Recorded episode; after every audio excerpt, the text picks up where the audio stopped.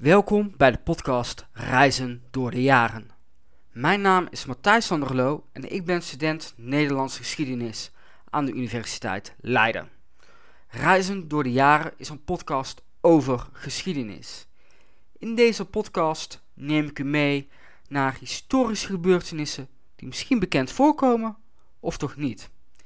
In een reeks van verschillende afleveringen duik ik samen met u in deze gebeurtenis. Licht ik verschillende facetten uit, plaats ik het in het historische grote raamwerk.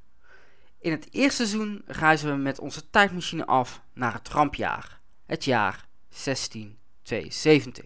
We gaan in een drietal afleveringen specifiek kijken naar de historische achtergrond van het jaar waarin de republiek radeloos, reddeloos en redeloos was.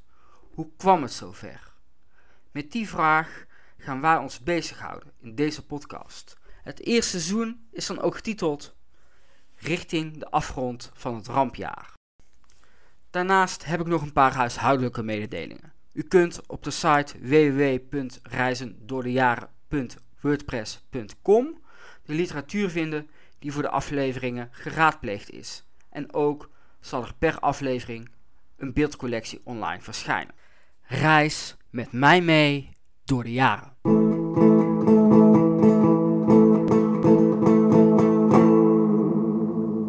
Het was mistig op de hei bij Hilversum. Doornik, Rijssel en Aalst vielen in een mum van tijd in handen van de Fransen. Ja, één had de sleutels uit de Wits broekzak genomen